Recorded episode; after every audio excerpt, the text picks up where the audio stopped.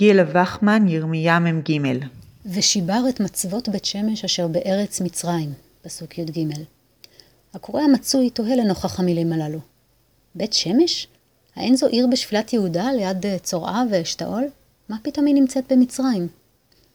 בתרגום היווני למקרא, המכונה תרגום השבעים, שנתחבר במאה השנייה לפני הספירה בידי יהודים שישבו באלכסנדריה שבמצרים, מוצע פתרון לשאלה זו.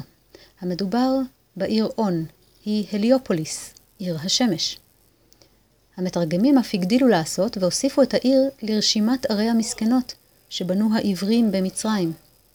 וכך גורס התרגום לשמות א', פסוק י"א, את פתאום ואת רמסס ואת און היא הליופוליס.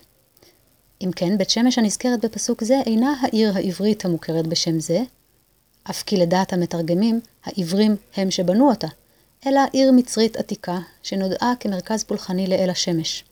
המצבות הנזכרות בפסוק הן כנראה האובליסקים המפורסמים, שמאוחר יותר הועברו לאלכסנדריה. מתן שמות עבריים לערים נוכריות הפך ברבות הימים למנהג נפוץ בקהילות ישראל שבגולה. כך למשל כונו חכמי העיר לוניל שבצרפת בשם הירחי, לוניל בצרפתית עתיקה הוא ירח.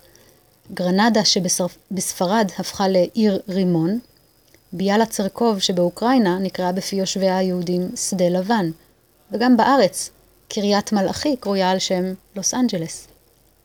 בית שמש היא אפוא הליופוליס, וכך כנראה נקראה גם בימי חז"ל, שהרי בתקופה הרומית ישבה עדיין במצרים קהילה יהודית גדולה וחשובה, שייסודה מתואר בספר ירמיהו.